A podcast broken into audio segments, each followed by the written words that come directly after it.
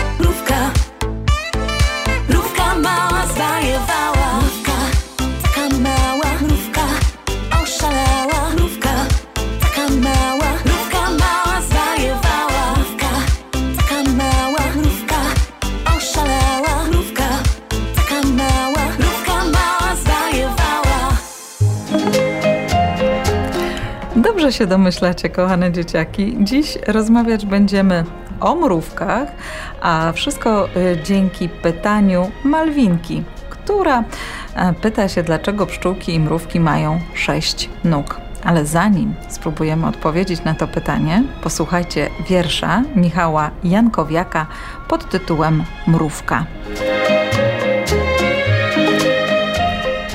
Biegnie drogą mała mrówka, taka niczym szpilki główka.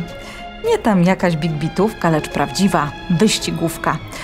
Wlazła do tyciej dziureczki, takiej jakby od szpileczki. Jest tu tysiąc tych dziureczek, w każdej mieszka sto mróweczek. Idzie mrówka za mróweczką, długą ciągną się niteczką, krętą, czarną i cieniutką. Nie za długą, nie za krótką. Niosą mrówki liścia role taką wielką parasolę. Wyglądają jak robaczki, lecz prawdziwe z nich siłaczki. Siadły dzieci na mrowisku. Chaos jak na targowisku. Wypłoszyły z dziur mróweczki, te pogryzły im stopeczki.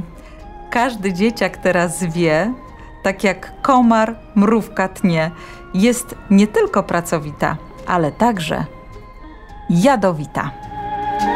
Dominiko, a czy ty wiesz, dlaczego pszczółki i mrówki mają sześć nóg? Pszczoły i mrówki należą do owadów, czyli najliczniejszej grupy zwierząt na Ziemi. W większości przypadków dorosłe osobniki owadów posiadają trzy pary odnóży.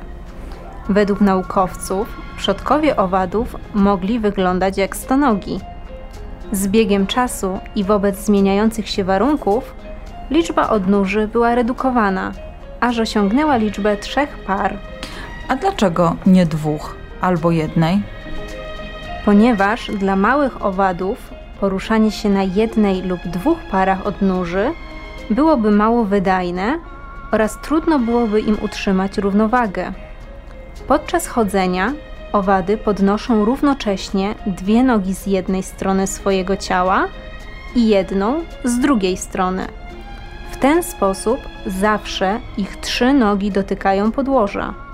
Dzięki temu mogą poruszać się szybko i nie tracą równowagi.